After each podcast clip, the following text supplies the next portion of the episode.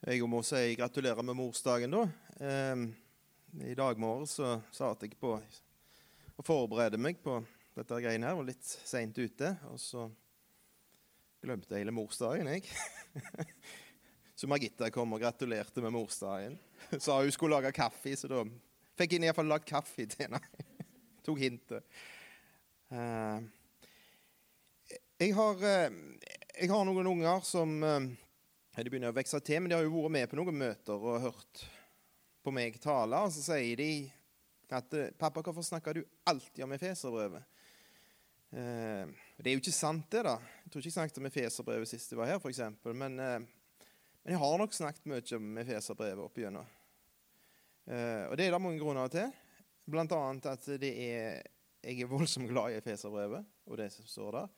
Denne gangen så er det Svein Tores i skole, tror jeg. ikke? Ja. For jeg, eh, Vi snakket sammen, og så nevnte vi vel Efeserbrevet som et mulig tema. Så ble vi enige om Titusbrev. Men uh, så, det, så jeg plutselig det sto på kalenderen til Josheim at jeg skulle tale om Efeserbrev. det, og det går helt fint. Så det blir, det blir kjekt.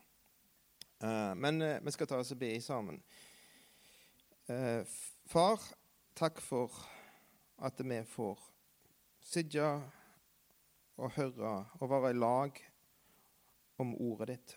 Og så ber jeg om at det underet skjer, at eh, øynene våre blir åpna, og at vi ser noe som er så stort at eh, det påvirker hele oss og hele hverdagen vår. Jeg ber om at du må gi oss lyst til å bli mer kjente med deg, lyst til å leve for Jesus. Amen. Eh, jeg skal, skal prøve på noe. Så jeg håper at det kan være til hjelp for, for dere og for, for meg. Eh, for nå, nå, skal vi ha Nå er det i dag, og så er det vel en måned til neste gang. Vi skal ha Efeserbrevet, og så er det 14 dager imellom igjen til Altså det er tre, tre søndager spredt utover våren. Og, og jeg har ingen illusjoner om at dere har forberedt dere å lese gjennom Efeserbrevet. Og Jeg vet ikke om dere tror at det går an å gå gjennom Efeserbrevet på tre søndager, men det er ikke så lett hvis du skal gå gjennom alt. Jeg vet at han, eh, Jon Ivar har lest eh, gjennom det, sier han. Men han syntes det var litt vanskelig å, å følge Paulus, og Paulus er ikke alltid lett å forstå. Lange setninger og lite pedagogisk, var det du sa? Men det er jo sånn vi opplever det, sant? Ehm, men det er en, noe som har på en måte hjulpet iallfall meg å se litt mer hva handler dette her om. Og når du har fått litt det store bildet, så er det lettere når du leser detaljene, så, så skjønner hva det, hva det er han snakker om egentlig her. Og Da har jeg lyst til å begynne på en måte med, med den store fortellingen som dette her er en del av. Og Da skal vi lese først fra Salme 8, eh, og vers eh, Vi skal lese fra vers 4 i Salme 8. Når jeg ser din himmel, dine fingrers verk, månen og stjernene som du har satt der. Hva er da et menneske at du kommer ham i hu, en menneskesønn at du ser til ham? Du gjorde ham lite ringere enn Gud, med ære og herlighet kronte du ham. Du gjorde ham til hersker over dine henders verk. Alt la du under hans føtter. Og det er det vi ser når vi leser i begynnelsen på Bibelen, så ser vi mennesker sett inn i en hage der alt er godt, der livets tre er, der Gud går og vandrer imellom dem. Og de skal være Gud sine representanter her på jorda, Guds visekonge på en måte. Og hersk alt er lagt under menneskene sine føtter skaperverket. Men så falt vi, og så havna vi utfor hagen. Og så gikk vi ifra å være herskere, som vi skulle være, til å bli beherska. Til å bli slaver. Beherska av naturkrefter som vi ikke har noen som helst sjanse imot. Og beherska av krefter inni oss og utenfor oss som påvirker det vi gjør, og det vi sier, og det vi tenker. Og så endte vi opp som slaver som beherska. Og fiendene, Guds fiende med store F, hadde kontrollen og fikk viljen sin med oss mennesker. Og så spoler vi litt, og så tar Gud ut en mann. Han ber til avguder, for at menneskene har alltid prøvd å få kontroll og slutta å være beherska, så har de bitt til naturkreftene og alt de der sterke tingene og prøvd å få kontroll over dem og tilfredsstille dem, sånn at de skulle få hjelp og få kontroll igjen. Og det gjorde, gjorde Abraham òg. Og han levde i en sivilisasjon som hadde fått ganske mye kontroll og fått det til. Og han ba til avguder. Og så står det at herlighetens Gud åpenbarte seg for Abraham. Og så så han noe som var så mye større enn alt annet, at når han så det, så var han villig til å reise ifra hele greia. Og så reiste han til et land som Gud skulle vise han. Og det landet, det Ja, jeg vet ikke hvor støvete det var, jeg, men det var ikke noe, sånn, var ikke noe fantastiske plass. Han drev med sauer og, og så vårt, og hadde, var nomade, bodde i telt. Og, men så hadde han fått et løfte at i dette landet her så skal det etterkommerne dine skal bli så tallrike at det, at det ikke går an å telle. Ja, de tallrike som himmelens stjerner. Og så er det her velsignelse. Du skal være en velsignelse for hele, hele verden. Men så fikk han òg vite det at om, om, noen år, og det var 400 år ca., så skal etterkommerne dine komme ned til Egypt, og så skal de være slaver. Akkurat som hele menigheten var det, så var de òg slaver. De var beherska av et folk som var mye sterkere enn de. Måtte gjøre det som var viljen til dem. Og så ropte de til Gud. For de hadde, en, de hadde jo et løfte, de hadde jo hørt noe en gang. Og det er et minne om å herske som jeg tror ligger i oss alle mennesker. Ikke bare de som hadde de løftene som Israel, men òg med mennesker som er skapte for å herske. Det skal ikke være sånn. sant? Eh, men så, så, var himmelen var, var bly. Det var ikke, ikke svar å få. Det var ikke det. Men så til slutt så greip Gud inn. Og så førte han de ut av det landet, og så skulle de gå gjennom en ørken, og så skulle de til Kanans land. Og Kanans land det var et land står der, som flaut om melk og honning, som ble vatna av et land med fjell og daler, ikke sånn som Egypt, som er flatt. Et land som, fløyt, som fikk vann ifra himmelen. Det rigna der, ikke sånn som i Egypt, der de måtte lede Nilen ut til vann og lage sånne kunstige vatningssystemer. Det var et, et land som var forsørga av Gud, og der det var ting å oppdage. Det var høyder og dybder, og det var lengder og bredder. Så noen som leser Efeserbrevet, så allerede hører litt. Og skulle de gå der til. Og så er det jo Dette er jo en fortelling som noen, noen har hørt den på søndagsskolen, mange har hørt den. Mange har skrevet sanger om den. Og så har jeg tenkt vi, vi var slaver i Egypt. Slaver av synden. Og så ble vi frelste. Så ble, kom Jesus og så satte oss fri. Og så nå går vi gjennom en ørkenvandring her på jorda. Gjennom den ørkenen, Og så lengter vi til Kanans land der framme, som, som, er himmel, da. sant? Hist over floden, som det står i sånn en gammel sang. På hi side av elva, for å si det på mer, mer her. Eh, sant? Det, det er det som har vært bildet.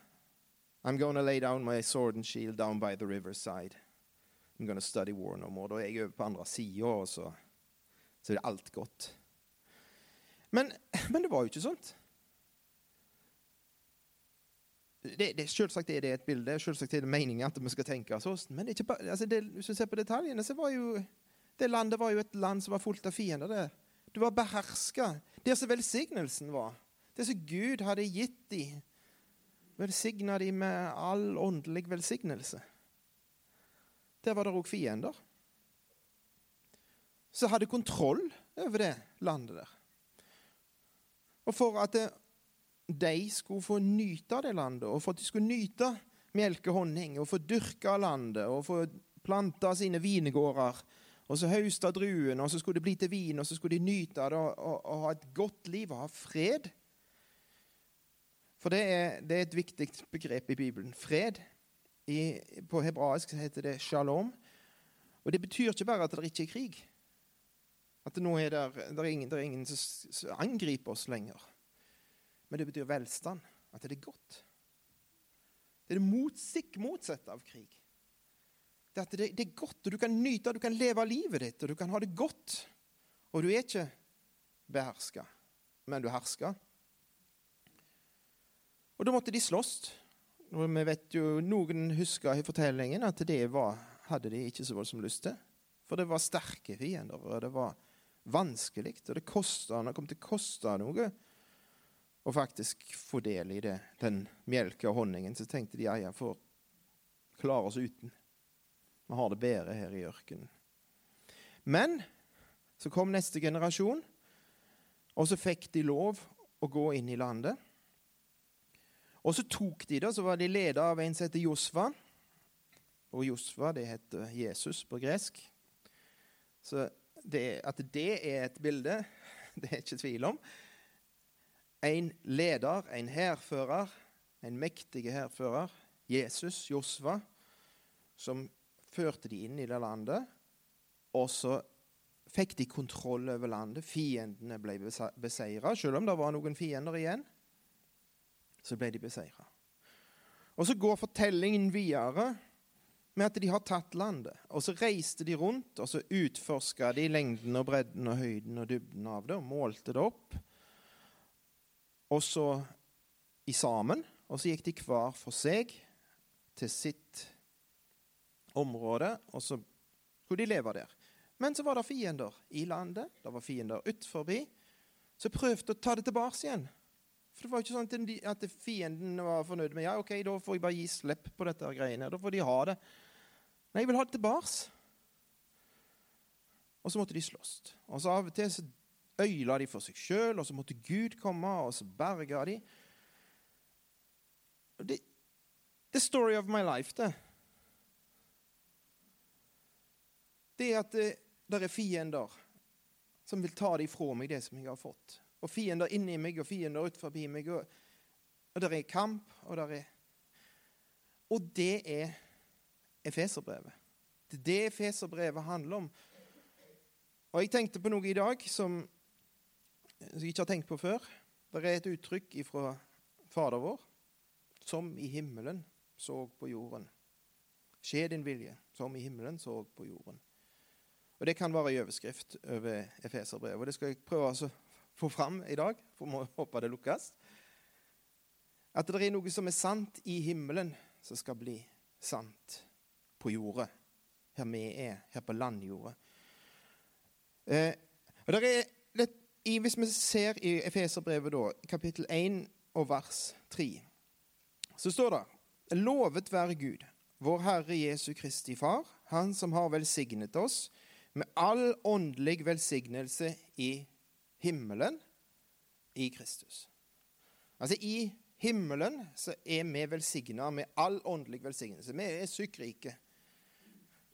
Det er ingenting vi ikke har fått. All åndelig velsignelse i himmelen i Kristus. Er himmelen i henne? Det er iallfall ikke her. Men vi har fått det. Så vi er, på en eller annen teoretisk måte så er vi sykkrike. sant? Og så står det at Gud Hvis vi leser videre i dette kapitlet, så står det i vers 20 eh, om at Gud har vist sin veldige kraft på Kristus da han reiste ham opp fra de døde og satte ham ved sin høyre hånd i himmelen, over all makt og myndighet, over alt velde og herredømme og over hvert navn som nevnes. Ikke bare i denne verden, men også i den kommende. Alt la han under hans føtter. Om å lese det før i dag? I Salme 8. sant? Og ga ham som hode over alle ting til menigheten, som er hans legeme, fullt av Han som fyller alt i alle. Altså, all åndelig velsignelse, et land som flyter med melk og honning, i himmelen. Jesus seter på en trone med Guds høyre hånd i himmelen. Men så skal, vi, skal jeg uh, gjenøyelegge litt. For hvis vi går til kapittel 6 Siste kapittelet i Efeserbrevet, så står det i vers 11 Ta på dere Guds fulle rustning, så dere kan holde stand mot djevelens listige angrep. For vi har ikke kamp mot kjøtt og blod, men mot maktene, mot myndighetene, mot verdens herskere i dette mørket, mot åndskapens ånde her i himmelen. Nå vet jeg det at det står ikke det i Bibelen deres. Iallfall ikke de norske som jeg har sjekka, står det i. Men det er akkurat samme ordet på grunnteksten. For Av og til så må de tolke litt når de skal oversette. Og her tror jeg de har vært litt slavne. For det er samme ordet. Så den samme plassen som vi er sukkrike, og all åndelig velsignelse ligger, den samme plassen som Jesus sitter på tronen, den samme plassen òg som vi, står der i Efeserbrevet 2, er sett i himmelen med han. Vi har sett ned, vi har fått lov å sette oss på en måte på sida av han på tronen som herskere. Den samme plassen er det fiender som vil ta det fra oss, som vil gjøre at vi ikke får nyte av det, som vil sørge for at det territoriet som skulle være Jesus sitt territorium, som han skulle beherske, som han skulle styre over, det der skulle være et folk som levde sånn som han gjorde, og ikke sånn som de andre. Der er det fiender som vil angripe, øyelegge, rive ned, stjele, myrde, øyelegge. Og det er det som er bildet i Efeserbrevet. Det er det som er bakgrunnsmusikken i Efeserbrevet. Og så handler det om hvordan kan det som er sant i himmelen, at Jesus sitter på tronen, og alt er lagt under hans føtter, og vi sitter der med herskere som han, hvordan kan det bli sant på jorda? I mitt og ditt hverdagsliv. For dette er mystiske ting. sant? Dette er, i himmelen og en sånn svevende ting der oppe som vi ikke har, ikke har med øyne til å se det. Ikke har med, vi har ingen sanser. Nå har vi ikke bare fem sanser, eller en sjette sans, som noen sier. Vi har mer enn det, vi mennesker. Men sanseapparatet vårt det kan fange opp alt mulig her i denne verden. Men vi har ikke mye sanseapparat for himmel, altså. Jeg ser han ikke. Du ser han heller ikke. Sant? Så det er voldsomt svømme. Men når det kommer til hva er det egentlig Gud vil når vi leser ut gjennom Efeserbrevet, så leser vi om at det skal bli en forskjell i måten jeg snakker på. At eh, han som fortalte grove vitser og snakket drit og stygt og ekkelt og Det kom bare stinkende ting ut av munnen hans. Der skal det komme av velsignelse, gode ord, kjærlige ord, verdige ord. Noe som passer seg for noen som er Guds sønner. Om en, en ektemann som før var bare interessert i å ha ei fine kone og ha seksuell nytelse og alt det der greiene der som hører til, men ikke brydde seg. Og til å bli en mann, sier det morsdag, som gir seg sjøl for kona si. Om enn hele livet sitt, sånn som Kristus elska menigheten og gav seg sjøl for han. Det er en stor forskjell, sant? Og den som stal, står der, han skal ikke stjele lenger, men gjøre noe godt med hendene sine. Det er noe gammelt, og det gamle det leser vi om i Efeserbrevet 2. om de som er beherska. Også dere har han gjort levende, dere som var døde ved deres overtredelser og synder. I disse vandret dere før på denne verdens vis, etter høvdingen over luftens makter, den ånd som nå er virksom i vantroens barn. Også vi vandret alle blant dem i vårt kjøds lyster, og vi gjorde kjødets og tankenes vilje. Vi var av naturen vredens barn, like som de andre. Men Gud, så har Gud gjort noe for at det ikke skal være sånt.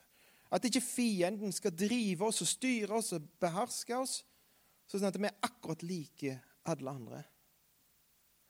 Men hvordan da kan det bli sånn at det da blir denne forandringen? At det blir som i himmelen så på jorden, i mitt liv og i ditt liv? Og da er hemmeligheten det som står i Som Paulus ber om for de som skriver dette brevet til i, i kapittel 1 og vers 17 så sier han Jeg ber om at vår Herre Jesu Kristi Gud, herlighetens Far, må gi dere visdoms- og åpenbaringsånd til kunnskap om seg, og gi deres hjerter opplyste øyne. For den verden, den der himmelen, den himmelske verden, der alle disse velsignelsene, der vi er sukkrike, den må vi få sanser som kan se. Sånn at den blir virkelig for oss, sånn at det blir ekte for oss. Sånn at det påvirker valgene våre og holdningene våre. Og hva vi ser på som verdifullt, hva vi er villige til å leve for. Hva ambisjoner vi har, hva vi strekker oss etter. Det må bli virkelig for oss, det må bli ekte for oss. dette. Det må ikke bare bli noe vi snakker om på søndagen, men det må være noe som er der. Et indre syn som er der, og som preger hverdagen, preger måten vi som foreldre er med ungene våre, preger måten vi som arbeidstakere er på arbeidsplassen, eller de som er sjefer, er på arbeidsplassen. Preger familieliv, preger menighetsliv, preger alt skal dette egentlig. Og det er det vi trenger. Vi trenger å se det, at det blir ekte og virkelig for oss. Og det kan Gud gjøre i den kombinasjonen med at Guds ånd, som har bor i oss, får ta tak i de ordene som vi leser, og så gjør han de levende for oss, og så åpner det seg et syn som er fra en annen verden, sånn som Abraham så. Et syn som var av en annen verden. Og tenk om det kunne være så. Og tenk om noen av dere leser Efeserbrevet til neste gang. Og får se litt av dette. Og så kan vi snakke sammen igjen. Og tenk når vi som troende kommer sammen, så kan vi dele med hverandre de tingene vi har sett. Men så er det disse fiendene til slutt, som er ute etter å øyelegge og rive ifra oss. Og Da skal vi lese ifra kapittel 6. i vers, eh, vers, fra vers 10.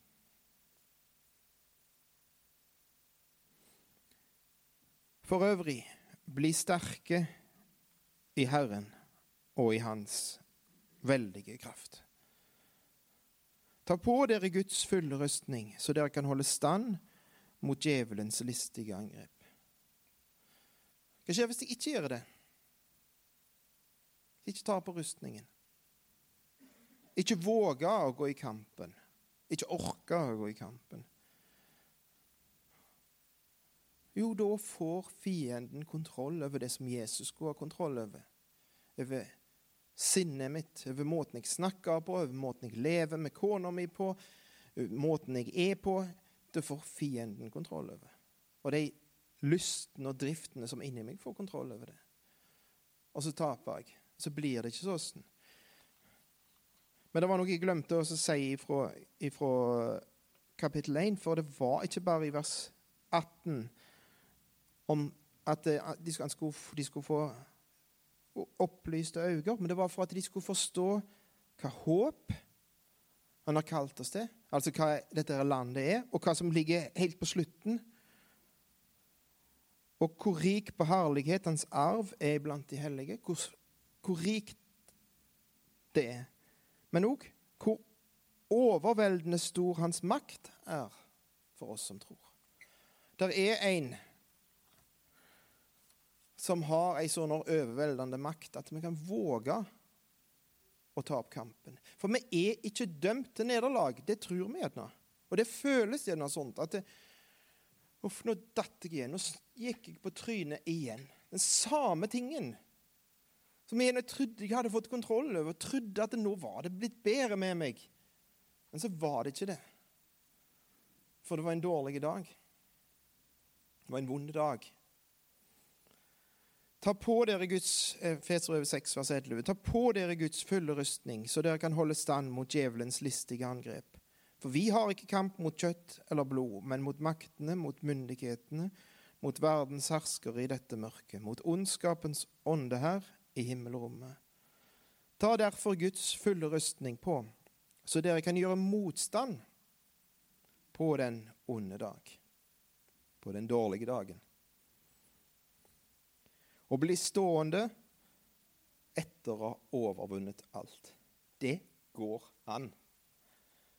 Og selv om vi har gått på trynet en million ganger, så skal vi aldri tenke at dette går ikke an. For den kraften som er tilgjengelig for oss, den er nok til å bli stående. Og så er det ikke bare For jeg, jeg har alltid tenkt tidligere at dette handler om meg, om min kamp. Jeg må ta på meg Guds fulle rustning, sånn at jeg kan bli stående på den vonde dag for meg mine problemer, mine utfordringer, mine fiender. Men hva med mine brødre og søstre? Ungene mine? Det er noen som angriper dem òg. Og det kan hende at noen av oss ikke kan bruke sverdet for at vi har fått et, et sår i armen allerede, det er noen som ligger nede, noen som er skada, noen som allerede har tatt noe av deres, deres arv, det som de skulle ha. Det som var deres. Det som de skulle ha, ha fått ifra Gud, det er noen som har tatt ifra dem. Og så skal vi andre gå i krigen òg for dem. Og slåss for dem de ikke kan slåss sjøl. For at de òg kan bli stående på den vonde dagen. Så kan det bli gjenerobra av det som har tapt. Og så kan det bli mer enn en det som var med. Stå da ombundet med sannhetens belte om livet og være iført rettferdighetens brynje. Ha som sko på føttene den beredskap som fredens evangelium gir. Grip fremfor alt troens skjold, som dere kan slukke alle den ondes brennende piler med. Ta frelsens hjelm og åndens sverd, som er Guds ord. Be til enhver tid i Ånden, med all bønn og påkallelse. Vær årvåkne i dette med all utholdenhet i bønn for alle de hellige. Det er en rustning, det er noe som skal beskytte oss, som vi kan ta på oss. Vi skal ikke gå i detalj her, det tror jeg vi skal gjøre siste, på det siste møtet. Men, men det er noe som kan gjøre at vi ikke blir ramma av alle angrepene. De når ikke inn. Og hvor er det angrep står her, blant annet? Jo, vi må ha en hjelm på. Hvorfor må vi ha en hjelm på? For å beskytte hodet vårt. For å beskytte tankene våre. Og så er det en, ei brynje. Hvorfor må vi ha ei brynje på oss? For å beskytte hjertet vårt. Det indre livet som på en måte er drivkraft og bestemmer hva retning vi går i, i verden, hva vi gjør. Følelsene våre. For enten så er det tankene som styrer det vi holder på med, eller så er det følelsen, eller så er det en blanding. Det må beskyttes. Og så er det et Og det er der åndskampen står, folkens. Det er ikke det. Åndskamp handler ikke om kristendomsundervisning i skolen eller om kristne skoler får støtte fra staten, eller all slags sånne ting som vi snakker om, eller sekularisering, eller alt det der. Det handler om meg og deg som tror på Jesus først. Det er noen fiender som vil øyelegge for oss, og øy, blir vi øyelagde, livet vårt øyelagt, så går alt annet òg. Og samfunnet til slutt. Men er det noen i dette landet her som begynner å, å vinne seier i sammen. Og begynne å se denne her storheten og denne herligheten og denne rikdommen så mye at det begynner å fortelle om det til andre. Og det preger livet vårt. Så preger det til slutt hele samfunnet. Det preger det rundt oss. Det gjør det er noe godt, det er noe, et lys som bryter fram i mørket nå. Og det er det dette handler om. Skje din vilje, som i himmelen, så òg på jorden. Og han er mektig til det. Far, jeg ber igjen om at dette må bli realitet for oss. Jeg ber om at eh, du må ta ordet ditt, og så må du la det virke på oss. Gi oss lyst til å høre, lyst til å lese, evne til å forstå. Og hjelp oss å, å slåss for hverandre. Hjelp at ikke de øyeleggende kreftene får ligge der og skape uro og skape ufred og rive ned det som du har bygd opp ber for denne forsamlingen. Ber om at uh, du fører dem, at du får viljen din, at du får regjere òg her og i livene til den enkelte. Amen.